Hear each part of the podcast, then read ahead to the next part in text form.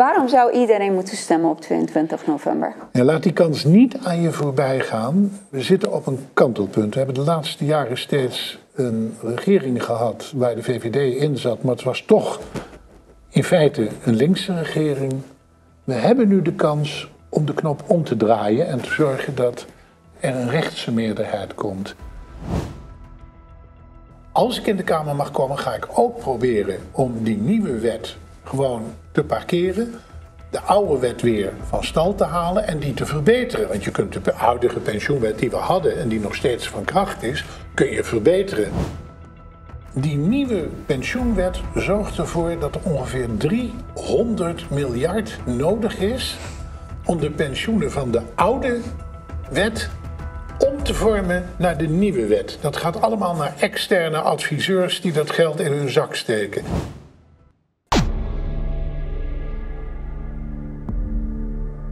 Lieve mensen, dag. In het kader van de komende verkiezingen praat ik vandaag met Henk Krol, nummer 2 op de kieslijst van BVNL.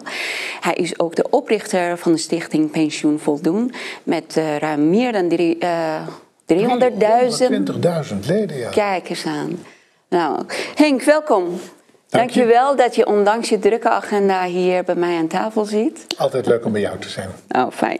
En uh, we gaan het hebben over um, jouw leven, jouw politieke carrière, of jij een fraudeur bent of niet.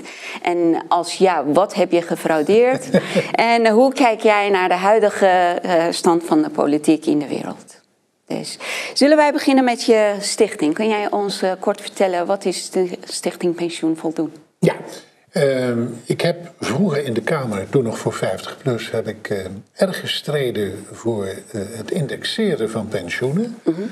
Want mensen in Nederland die gepensioneerd zijn, die lopen inmiddels 23% achter op waar ze recht op hebben. Dat heb ik toen steeds niet uh, gewonnen, want de meerderheid in de Kamer vond het prima zo. Maar, en over welke jaar hebben wij? Dan hebben we het over 2009, eigenlijk tot twee jaar geleden. Is er gewoon niet geïndexeerd. Nou, alles is duurder geworden. Mensen die werkten, die hebben wel salaris erbij gekregen. Mensen die gepensioneerd zijn, hebben er niks bij gekregen. Nou, dat is natuurlijk niet terecht. Maar dan vraag je af, hoe kan dat? Nou, eh, in de Kamer heb ik iedere keer geroepen, dat moet anders. Maar toen was er vorig jaar een jurist die ontdekte wat er echt aan de hand was. Die ontdekte namelijk dat er in 2009 een nieuwe richtlijn uit Europa kwam en die is bindend, daar moet elk land zich aan houden.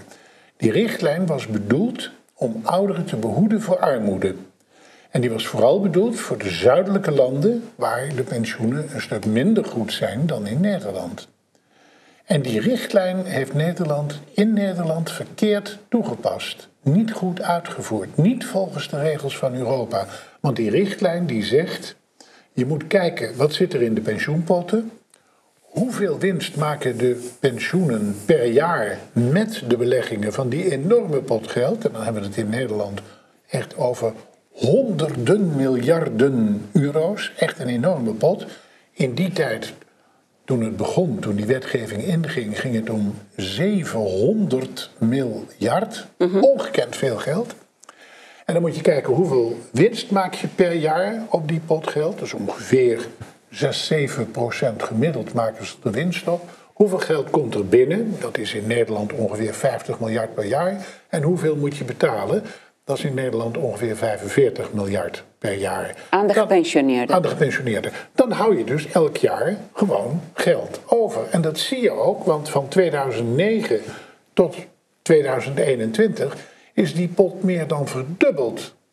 In plaats van 700 zit er nu 1700 miljard in de pot van de pensioenfondsen. Nou, dan is het onbegrijpelijk dat de gepensioneerden op hetzelfde bedrag zijn gebleven, terwijl de potten verdubbeld zijn. Er zit ook nog genoeg in voor nieuwe generaties. Dat is dus verkeerd toegepast. Dat heeft deze jurist ontdekt en die zei, daar gaan we tegen procederen. Nou zijn er in het verleden wel meer processen geweest, mm -hmm. maar dan moet je procederen tegen de staat. En als je moet procederen tegen de staat, ja, dan wordt het duurste advocatenkantoor Pels Rijken door de landsadvocaat ingeschakeld en dan heb je bijna geen kans om te winnen. Tenzij. Mag ik even onderbreken? Komt dat omdat die advocaten zo goed zijn van Rijks, uh, de Rijksoverheid? Of komt omdat ze heel veel mogen en uh, ze moeten het voor elkaar krijgen, hoe dan ook? Ze weten dat als je tegen de staat procedeert, dat de zakken van de staat heel diep zijn. Tuurlijk. En die advocaten die krijgen gewoon keurig elke maand hun, uh, hun geld. En die wordt betaald door de belastingbetaler. Ja, en jij moet maar zien dat je daartegen verweert. En advocaten zijn heel duur. Dus de, de staat weet, als we het lang genoeg volhouden, dan winnen we eigenlijk altijd. Of we gelijk hebben of niet, de staat wint eigenlijk altijd. Maar? Maar in dit geval zijn we gaan kijken of er in het buitenland hele grote geldschieters zijn, hele grote kantoren, die zeggen: ja, maar het is duidelijk. De, Nederland heeft een fout gemaakt bij het invoeren van die wet. Nou, die kantoren hebben we gevonden in Londen en in New York. En daar zijn hele grote geldschieters die zeggen: wij blijven betalen en we gaan door tot het gaatje. En we gaan dit op een gegeven moment winnen.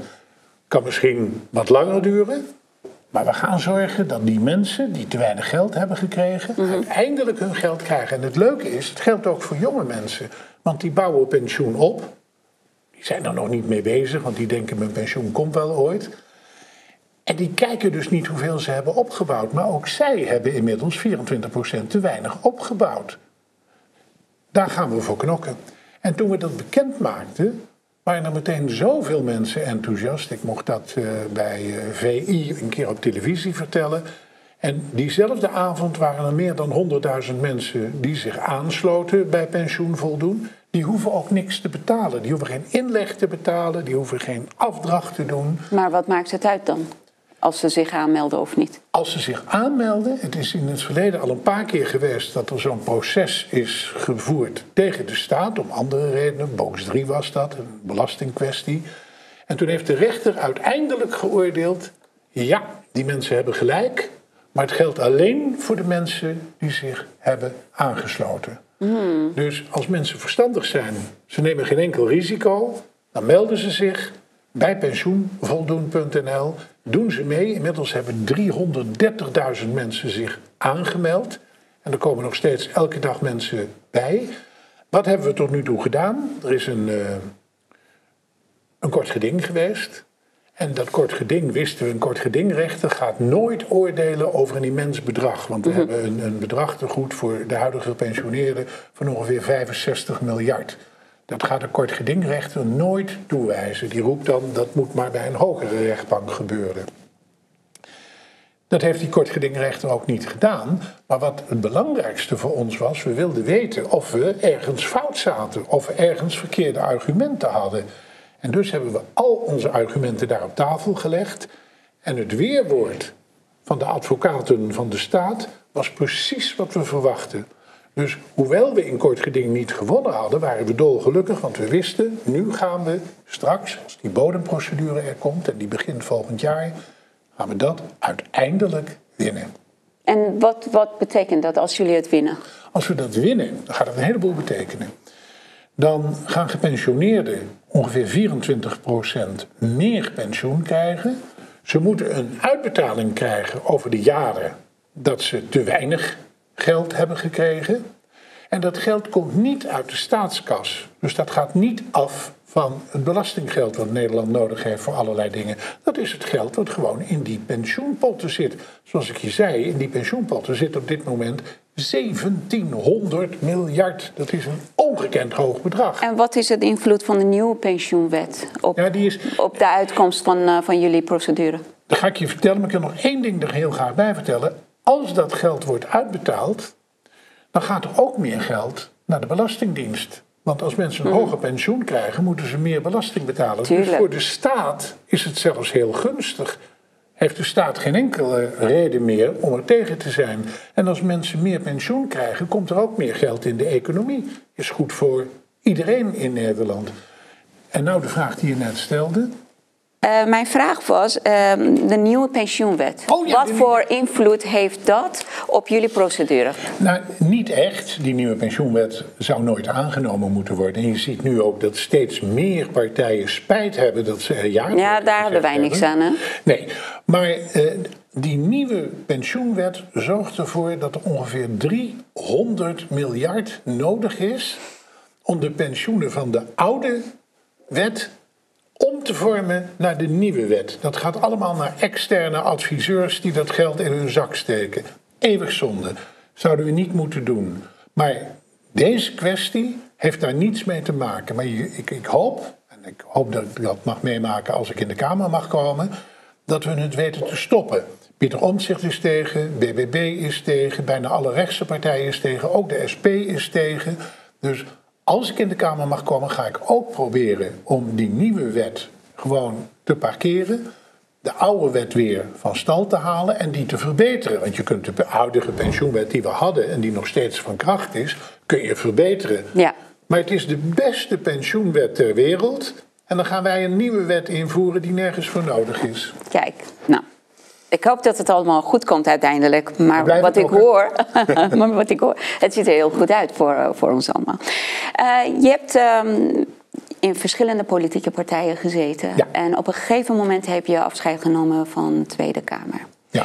En na een aantal jaren ben je nu weer terug. Wat was jouw motivatie? Want je bent uh, ja, in, Ja. in de pensioenleeftijd. Ja. Financieel zit je niet nauw. Je hebt het niet echt nodig. Nee, zeker. Eh, ik heb wel gelezen dat jij tegen RTL Nieuws hebt gezegd... Nederland heeft mij nodig. Nou Wat bedoel je daarmee? Nou, eh, Nederland heeft mij nodig. Eh, toen ik bezig was met die actie van pensioen voldoen, waar we het net over hadden, toen zeiden steeds meer mensen: jij knokt voor onze Ah. pensioenen.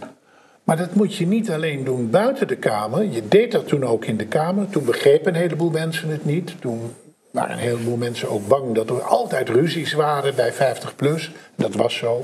In die partij was altijd ruzie. Je zou eigenlijk terug moeten, maar dan voor een partij waar geen ruzie is. En toen dacht ik, ja, ja, als je het echt goed wil doen, dan moet je knokken buiten de Kamer, maar ook in de Kamer. Klopt, die podium moet je ook gebruiken. En eh ja, Wiebren van Haga gaf mij die mogelijkheid om op nummer 2 te komen. Nou, de kans zit erin dat je dan ook buiten en in de Kamer kunt knokken. En dat zou eigenlijk het mooiste zijn. Wat vind je van de huidige politieke stand van Nederland? Het klinkt niet zo goed. hè? nee, ja, wat moet ik nou... Zucht. Weet je, ja, een, een diepe zucht. Ik bedoel, eh, er zou zoveel verbeterd kunnen worden. Er is een te grote afstand tussen de mensen thuis en de mensen in de Tweede Kamer. Dat was bijna altijd zo. Nee, dat hoeft niet. Want ik zeg altijd, luister, de Eerste Kamer is belangrijk, de Tweede Kamer is belangrijk, maar de Huiskamer, die is het allerbelangrijkst. En we moeten zorgen dat de mensen thuis weer het idee krijgen dat Kamerleden niet alleen in twee weken voorafgaand aan de verkiezingen het land ingaan Ja. om met iedereen te praten, maar dat ze dat steeds doen. En ik zou het zo fijn vinden als we in de toekomst zouden besluiten om niet een vakantiereces te hebben van twee maanden en een kerstreces van zoveel weken en een herfstreces en een voorjaarsreces van zoveel weken. Dat is voor de fractievoorzitter geen vakantie, want die moet zorgen dat alles op orde is. Die heeft het heel druk. Maar een gewoon Kamerlid in een grote partij, die heeft in die vakantieperiode echt niet zoveel te doen. Mijn voorstel zou zijn. In kleine partijen wel? Ja, kleine partijen hebben het een stuk drukker. Want die moeten al die portefeuilles bijhouden. Maar een grotere partij, als je daar nummer eh, 20 op de lijst bent en je zit in de Kamer, dan heb je een heel makkelijk baantje wat heel goed betaald wordt. Mijn voorstel zou zijn: laten we in de toekomst steeds één week vergaderen. En dan één week verplicht het land in. En op internet verantwoording afleggen wat je bent gaan doen. Heb je ergens stage gelopen? Ben je in een zorgafdeling geweest? Heb je gekeken waar mensen in de sportclub tegenaan lopen? Heb je gekeken hoe moeilijk het is voor mantelzorgers om alle zorg aan mensen te verlenen? Gewoon een korte vakantie in de zomer. Drie weken is meer dan genoeg. En dan de rest van het jaar één week vergaderen, één week alle politici het land in, zodat de kloof tussen de burger en de politici een stuk kleiner wordt? Nou, ik vind één week nog steeds te kort hoor. Wat kan je merken in één week? Wat kan je beleven in een week? Het is om en om, hè? Het is één week. Oh, om en om. Oké, oké, oké. Ja, ik dacht in een hele jaar. Ja, ja. Eén week het land in. Dan weer één week vergaderen. Ja. Dan weer één week het land in. Nee, dat is en logisch. steeds naar andere dingen toe. Zodat je als Kamerlid, want je bent volksvertegenwoordiger. Ik haat het woord politicus, was een politicus. Ik wil altijd volksvertegenwoordiger zijn. Ik wil weten wat er bij jou leeft. Ik wil weten wat er bij mij in het dorp leeft. Ik wil weten wat er in de sportclub leeft. Ik wil weten waar mensen tegenaan lopen. Waarom komen mensen op een gegeven moment geld tekort? Wat gaat er fout? Dat kun je maar op één manier weten door iedere keer om de week het land in te gaan en te luisteren naar mensen. Maar wat ik niet snap, Henk. Kijk, die mensen die in de politiek zitten, in de Tweede Kamer. ze zijn niet uitzonderingen. Ze hebben ook een familie, ze hebben ook. Um, ze komen niet allemaal uit een hele welvaarde familie die geen geldproblemen hebben. Dus die mensen hoeven in principe niet iedere keer in de, in de maatschappij te lopen, want ze, ze zijn een onderdeel van de maatschappij. Ja, toch leven ze, nee, toch leven ze in Den Haag. Ik bedoel, ik heb het nu twee keer een hele grote periode meegemaakt. Ik ben eerst acht jaar lang voorlichter geweest van de VVD. Mhm. Dan leef je in een bubbel. Daarna heb ik acht jaar lang zelf in de Kamer gezeten. Je leeft in een bubbel. En, maar je hebt ook je familie en je vrienden. Ja, maar dat is het gekke van Kamerleden. Kamerleden die hebben het tijdens die vergaderweken, niet tijdens de recessweken, daar had ik het al over, heb je echt niks te doen. Maar tijdens die vergaderweken hebben ze het zo druk dat ze gaan niet naar verjaardagen toe. Ze hebben de meeste relaties van Kamerleden lopen ook stuk, omdat ze van ochtends vroeg tot s avonds laat werken. En dan ga je op een gegeven moment het contact met je achterban ga je verliezen. En dat is zo jammer. Daarom dat voorstel van mij dat ik zeg: laten we nou toch voortaan steeds één week vergaderen, één week contact onderhouden met de achterban. En dan is het ook een week waarin je leuk wat dingen kan doen met je eigen familie en met je vrienden en kennissen. De afstand van burger en politicus wordt dan een stuk kleiner. Nou, ik denk dat het hele systeem echt een hele grote renovatie oh, nodig heeft. Absoluut. Uh, ik ga je vragen of jij een fraudeur bent. Waarom heb jij pensioengat niet betaald? Nou, je weet misschien dat ik in Nederland, uh, nou eigenlijk uh, voor de hele wereld, wij waren de eerste die streden voor de openstelling van het huwelijk. Het feit dat ook mensen die niet man-vrouw zijn, wel met elkaar kunnen gaan trouwen. Die strijd heeft meer dan twintig jaar geduurd en die heeft heel veel geld gekost. En dat geld werd bijeengebracht door de mensen die werkten bij de gaykrant. En op een gegeven moment kwamen we daardoor, toen we bijna zover waren dat Nederland op 1 april 2001 het eerste land ter wereld zou worden waar dat mogelijk werd, kwam de gaykrant in de financiële problemen. Zo erg zelfs dat een faillissement dreigde. En toen zijn de medewerkers van de Gaykrant die zijn samen gaan zitten, hebben een vergadering gedaan. En die hebben gezegd, dat kan toch niet zo zijn? We zijn er nu bijna. En dan zou het kapot gaan omdat we te weinig geld hebben. Hoe kunnen we dat oplossen? En er waren drie mogelijkheden. Of er zouden een paar mensen moeten worden ontslagen. Dat wilde eigenlijk niemand. Of mensen zouden nog minder geld moeten gaan verdienen. En ze verdienden al niet zoveel. Dat is ook niet een geweldige optie. Of we hadden al een achterstand met betaling van pensioenen. We moeten tijdelijk even stoppen met de pensioenafdrachten. En toen heeft iedereen uit overtuiging, omdat ze bezig waren met een goed doel, gezegd: laten we maar even afzien van pensioenen. En dat komt omdat mensen op een jonge leeftijd niet met pensioenen bezig zijn, niet weten hoe belangrijk het is. Dat hebben we toen gedaan, daar heeft iedereen ook voor getekend. En dan kom je er achteraf achter dat we hebben daarmee een fantastische daad verricht, want daardoor was Nederland het eerste land ter wereld waar dat mogelijk werd en is het later ook ons mooiste immateriële exportproduct geworden. Maar het is niet verstandig. En achteraf heb ik er ook spijt van dat dat gebeurd is. Maar er is niet gefraudeerd. Sommige mensen denken dat ik geld in mijn eigen zak heb gestoken. Absoluut niet waar. Het was in overleg. Het was in overleg. Iedereen heeft er ook voor getekend. Maar achteraf merk je hoe dom dat dat is. En dat is precies de reden waarom ik me zo voor pensioenen ben gaan interesseren. En dat is precies de reden waarom ik juist wil dat het voor jonge mensen beter geregeld wordt. En dat mensen die nu van een pensioen genieten ook krijgen waar ze recht op hebben. Dus uh, nee, ik heb nooit gefraudeerd. Er is wel iets fout gegaan. Maar er gaat wel eens vaker iets fout in een mensenleven. En dan kan je twee dingen doen. Je kan bij de pakken neer gaan zitten en je kan er iets van leren. En als je er iets van leert, dan is het niet zo heel erg dat je fout gemaakt hebt. Je had het ook net uh, erover, je bent zelf ook homoseksueel. Um, je hebt heel veel gedaan voor uh, homo, homo's rechten, ja. als ik het goed zeg.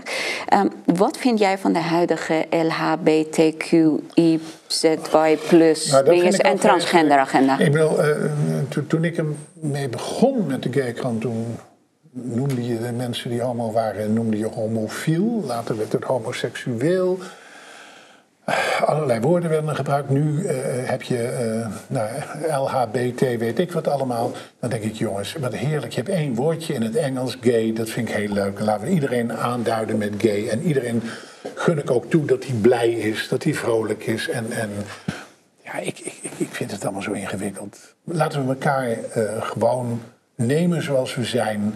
En dan hoeft niet iedereen weer in een apart hokje te zitten. Ik ben daar niet zo'n voorstander van. Nee, maar dat is ook niet goed. Maar wat vind je van al die um, transgender aanpak met hormoonremmers, uh, geslachtsveranderingen? Wat... Kijk, als iemand zich echt heel anders voelt dan zijn lichaam eruit ziet, het kan best zijn dat jij uh, geboren bent in het lichaam van een meisje en dat je je jonger voelt, of, of omgekeerd. Maar ga dat niet op een hele jonge leeftijd al veranderen. Daar ben ik geen voorstander van. Je kan rustig tegen kinderen zeggen, nou dat komt wel vaker voor. En als je later volwassen bent en je hebt dat gevoel nog steeds, doe wat je wil. Het is jouw lichaam, mag jij mee doen wat jij wil. Maar hele jonge kinderen nu al ombouwen in een ander lichaam, terwijl je niet weet of ze daar later spijt van krijgen, ik zou het niet zo makkelijk doen. Je moet er toch niet aan denken dat je kind bij je komt en dat hij zegt: Ik voel me zeerover. Dan gaan we toch ook niet één oog weghalen en één been afkappen. Ik zou heel voorzichtig mee zijn. Ik vind het sowieso. tot ze wat ouder zijn. Ik vind het sowieso een misdaad als dat met kinderen gebeurt. Ik vind dat. Kijk, sowieso. Elk cel in je lichaam is of XX of XY. En als jij dat niet prettig voelt, in je hoofd ben je iets anders. Ik denk het is verstandiger om eerst te gaan kijken of je mentale hulp nodig hebt of niet. En als jij een bepaalde leeftijd bereikt hebt, dat je zeker weet dat je. Dan vind ik het prima. Dan weet je, ze mogen het doen. Al, dan ben ik niet echt een voorstander ervan, want dan ben je de rest van je leven afhankelijk van de medicijnen die je hele lichaam proberen te blokkeren. Maar alsnog, dat is een andere keuze als jij volwassen bent. Ja. Voor kinderen vind ik het echt my heart bleeds. Voor alle kinderen die hier slachtoffer eh, van zijn geworden. Want ik ben ervan overtuigd, ieder kind die zo'n proces ingaat of aangaat, die is een slachtoffer. Nou en dat is ik zou het in ieder geval misdaad. niet aanraden om kinderen al van geslacht te laten veranderen. Uh, als dat op latere leeftijd gebeurt, prima. En laten we ervoor zorgen dat een jongetje best met poppen mag spelen. En een meisje best met ja, waar wil een meisje meestal mee spelen? Die, poppetjes? ja, met poppetjes. of een tractor of zo. Met, met, een tractor spelen. Laat een meisje met een tractor spelen. Ik bedoel, laten we daar nou niet moeilijk over doen. Dan denk ik dat dat verlangen op jonge leeftijd om een ander geslacht aan te nemen ook een stuk minder is. En als het op een latere leeftijd, dan heb ik er geen problemen mee. Ja, oké. Hey, en uh, hoe kijk je naar de huidige uh, klimaatplannen die ons miljarden kosten? En dat ze zo'n fragiel effect hebben, terwijl tegelijkertijd wij ondersteunen alle oorlogen in de wereld. Nou ja, dat zijn twee hele ingewikkelde problemen. Als het om klimaat gaat, dan denk ik dat onze techniek zo snel vooruit uh, holt. Dat we allerlei oplossingen kunnen bedenken, technisch. En dat we niet allerlei gekke dingen moeten uithalen om de temperatuur 0,0002 graden minder te doen stijgen. Laten we het op een andere manier oplossen. Maar dat andere probleem, ja, dat, dat vind ik veel ingewikkelder in deze tijd van oorlogen. Ik bedoel, niemand is voor oorlogen. En ik, ik begrijp het niet. Ik heb, ik, ik, ik heb het echt, ik heb, als ik nu kijk in Oekraïne, hoeveel daar kapot wordt gemaakt. Hoe twee landen met elkaar in oorlog zijn. En ik was zelf verkiezingswaarnemer in Oekraïne. Ik heb alle delen van Oekraïne gezien. Bij de laatste verkiezingen. Bij de laatste verkiezingen was ik uh, namens de VN verkiezingswaarnemer daar. Mhm. en, en ik heb gezien hoe die mensen daar echt vooruit willen. Maar ik heb ook gemerkt dat in het oosten van Oekraïne mensen veel liever aansluiting bij Rusland willen En in het Westen veel liever aansluiting willen bij Europa.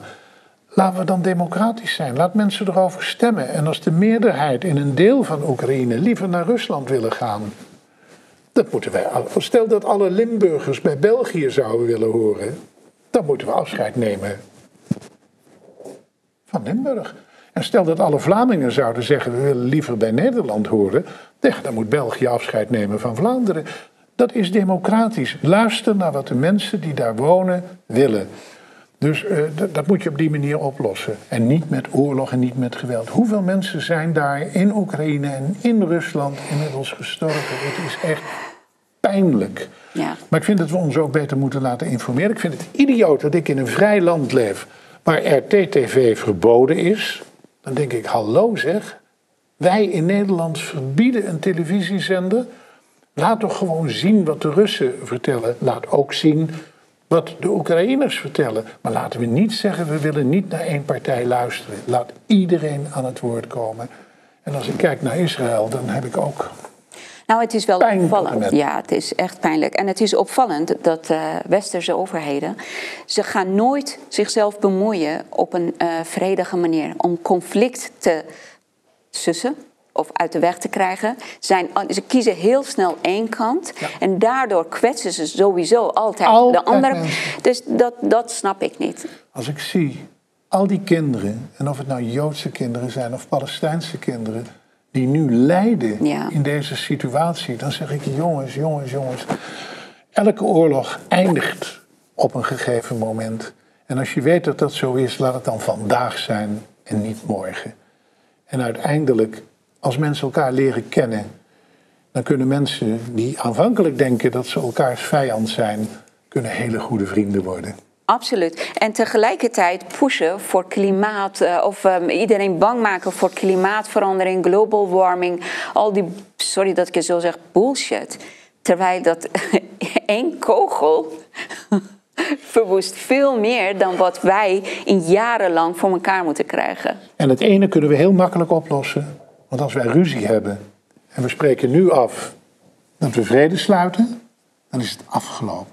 Ja. En dat klimaat, wat we ook gaan doen, dat hebben wij niet als mensen in de hand. Al eeuwen niet. Dat is gewoon de arrogantie van een mens, hè? die zich zo machtig maar en ons zo... daar technisch tegen wapenen, ja, rijken verhogen en zorgen dat we op een andere manier onze huizen verwarmen en uh, we zullen wat meer airco's nodig hebben, dat kan makkelijk. Henk, hoe uh, keek jij naar de maatregelen tijdens coronapandemie?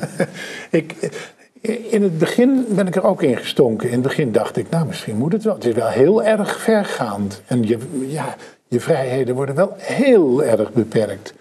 En op een gegeven moment dacht ik, dit is onzin. We worden met z'n allen, je wordt met z'n allen voor het lapje gehouden. En op een gegeven moment ben ik er ook gewoon mee gestopt. En ik merkte in mijn omgeving, mensen werden zieker van de prik dan eh, van alle onzin die verkondigd werd. Zo heb ik het ook altijd behandeld in de Kamer. Ik daag mensen uit, ze kunnen luisteren hoe ik in die tijd overal al voor gewaarschuwd heb en gezegd: jongens, hoe is dit nou mogelijk? Iedereen laat zich muilkorven, iedereen laat zich de mond snoeren.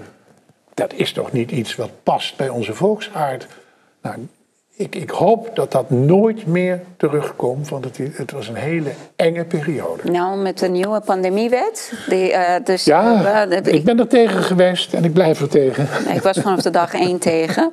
Hey, um, kan jij uh, begrijpen? Kijk, we weten wat VVD met het land gedaan heeft de afgelopen 13, 14, ik weet niet hoe lang zij de roer, aan de roer zitten. Maar als ik kijk naar de laatste peilingen, ik snap het niet dat Nederlanders alsnog. Kijk, ze blijven klagen. Onze kant, mensen die het zien en ze willen iets tegenaan doen, ze zeggen nou, stemmen heeft geen zin. En als je kijkt naar de peilingen, ik heb het opgeschreven, het is van uh, uh, VVD 28 zetels. NSC 28, GroenLinks PvdA 23, PVV 18, BBB 9, Volt. Volt 4, D66 8. En uh, nou, Partij van de Dieren 7. Hoe kijk jij er naar? Word jij niet gedemotiveerd als je de peilingen ziet? Nee, je moet blijven knokken. En het duurt soms lang voordat mensen de waarheid zien. Ik heb meer dan twintig jaar geknokt om dat huwelijk opengesteld te krijgen. Ik heb inmiddels jaren geknokt om die pensioenen omhoog te krijgen. Je moet altijd blijven knokken. En je moet je nooit laten demotiveren. Dat heeft geen enkele zin. Maar je moet natuurlijk vaststellen dat met name Mark Rutte het allemaal wel heel handig speelde. Ik kan je een verhaaltje om je te vertellen hoe dat gaat bij Mark Rutte. In de Kamer kennen we op dinsdag het vragenuurtje. Dan mag je één vraag stellen, dan geeft de minister antwoord. En dan mag je een vervolgvraag stellen. En dan mag je verder je mond niet meer open doen. Dan moet je weer op je stoeltje gaan zitten. En dan ging ik wel eens naar voren toe en dan mocht ik want het wordt van tevoren gelood wie dan uiteindelijk de vraag Gelood zelfs? Ja, ja of, of, in ieder geval het presidium bepaalt... er mogen maar vier vragen gesteld worden tijdens het vragenuurtje. En of ze dat nou loten of aanwijzen, ik weet het niet precies... maar er mogen maar vier vragen doorgelaten worden... En dan had ik het geluk, dan werd mijn vraag over pensioenen weer doorgelaten. En dan ging ik naar voren toe, dan mocht ik mijn vraag stellen. En dan was uh, minister Rutte zat in vak K en dan stelde ik mijn vraag en dan ging Rutte antwoord geven op iets wat ik helemaal niet gevraagd had. Ja, het is een mediatraining drukken. En dan dacht ik, nou ja, uh, en dan moet je dus je vervolgvraag gebruiken om nog een keer te vragen wat je in de eerste vraag gevraagd had. En dan kwam meneer Rutte in tweede termijn aan het woord zei hij: Ach, wat vervelend, dan heb ik u verkeerd begrepen. En dan ging hij helemaal uitweiden dat hij verkeerd begrepen had. En dan gaf nog steeds geen antwoord. En dan moest jij weer op je stoeltje gaan zitten. Dan worden de mensen thuis boos. Want die zeiden dan: sla eens met de vuist op tafel en zeg eens. Maar dat mag niet, want je mag maar eerst de vraag stellen en je vervolgvraag stellen. En dan na het debat ging je naar het Kamerrestaurant toe, waar de Kamerleden kwamen. En dan kwam Rutte naar me toe. En dan legde hij de hand op mijn schouder en dan zei hij van... Heb ik goed gespeeld, hè? Oh my god, serieus? Ja. Kijk, zo wordt er in de politiek door de grote partijen omgegaan met de belangen van gewone mensen. En dan denk ik, jongens, trap er niet meer in. Geef nou eens de kans aan een paar kleine partijen die er echt tegenaan willen trappen. Sowieso, dat is een uh, terug die ik nu ook bij uh, Dylan zie tijdens die debatten. Zij heeft gewoon, weet je, je kan haar honderdduizend keer zelf de vraag stellen. Ze maakt een andere verhaal en ze ontwijkt het. Maar op, op zo'n moment, dat als jij een vraag stelt en uh, minister-president ontwijkt je vraag en beantwoordt iets heel anders. Ik denk dat het de taak is van de voorzitter om te zeggen: minister-president, dat was niet de vraag. Wil je alsjeblieft de vraag beantwoorden? Dus ik denk dat het een samenspel is Absoluut. tussen ze allemaal.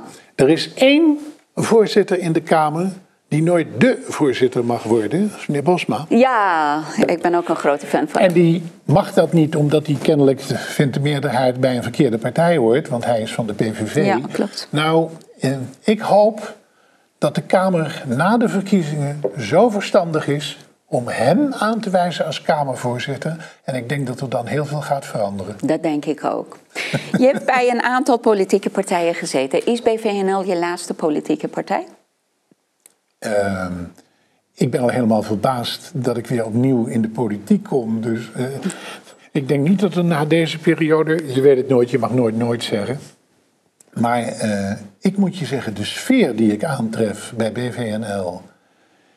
Nou ben ik natuurlijk eh, de VVD van vroeger gewend. En heel vroeger was de VVD ook wel een, een, een vrolijke en, opgewekte partij. Zeker onder Hans Wiegel, laat ik hem dat compliment geven. Het was altijd heel fijn om toen voor hem te werken. Maar daarna, eh, 50 plus, die partij bedoelde het hartstikke goed. En het was ook heel hard nodig dat de belangen van ouderen verdedigd werden in de Kamer. Maar er was altijd ruzie. Ik was echt meer dan de helft van mijn tijd bezig om het land in te gaan en om ruzies te beslechten. En toen kwam ik bij BVNL, omdat ik al tijdens de periode daarvoor heel fijn met Wieberen heb samengewerkt. En ik kwam ineens een hele andere sfeer tegen. Er zijn wel eens mensen die ergens anders over denken, maar het gaat met respect voor elkaar, het gaat op een leuke manier. Alles is op een geweldige manier georganiseerd. Ik heb op dit moment absoluut niet de behoefte om om me heen te kijken. Ik voel me heel erg thuis bij BVNL. Mooi. Ja, ik, ik vind het ook hoor. Ik vind het een heel fijn clubje. Waarom zou iedereen moeten stemmen op 22 november? Ja, laat die kans niet aan je voorbij gaan. We zitten op een kantelpunt. We hebben de laatste jaren steeds een regering gehad waar de VVD in zat, maar het was toch in feite een linkse regering. We hebben nu de kans om de knop om te draaien en te zorgen dat er een rechtse meerderheid komt. En ik hoop dat mensen tactisch gaan stemmen en dat ze ervoor zorgen dat de VVD straks niet weer met de Partij van de Arbeid en met GroenLinks in zee gaat. Want dat is zomaar mogelijk. Je stem op de VVD kan betekenen dat je uiteindelijk premier Timmermans krijgt. Laten we dat niet meemaken. Dus uh, ja, ik hoop dat mensen echt verstandig stemmen. En uh, nu mijn vraag aan je. Hoe kom je aan zoveel geduld en zelfbeheersing? Dat is voor mij echt. Je bent zo kalm, zo down to earth ook. Maar hoe, hoe, hoe? Dat heb ik van mijn ouders geleerd, dat heb ik van mijn grootouders geleerd. En die hebben me altijd gezegd: je kunt beter in kleine stapjes voorwaarts gaan.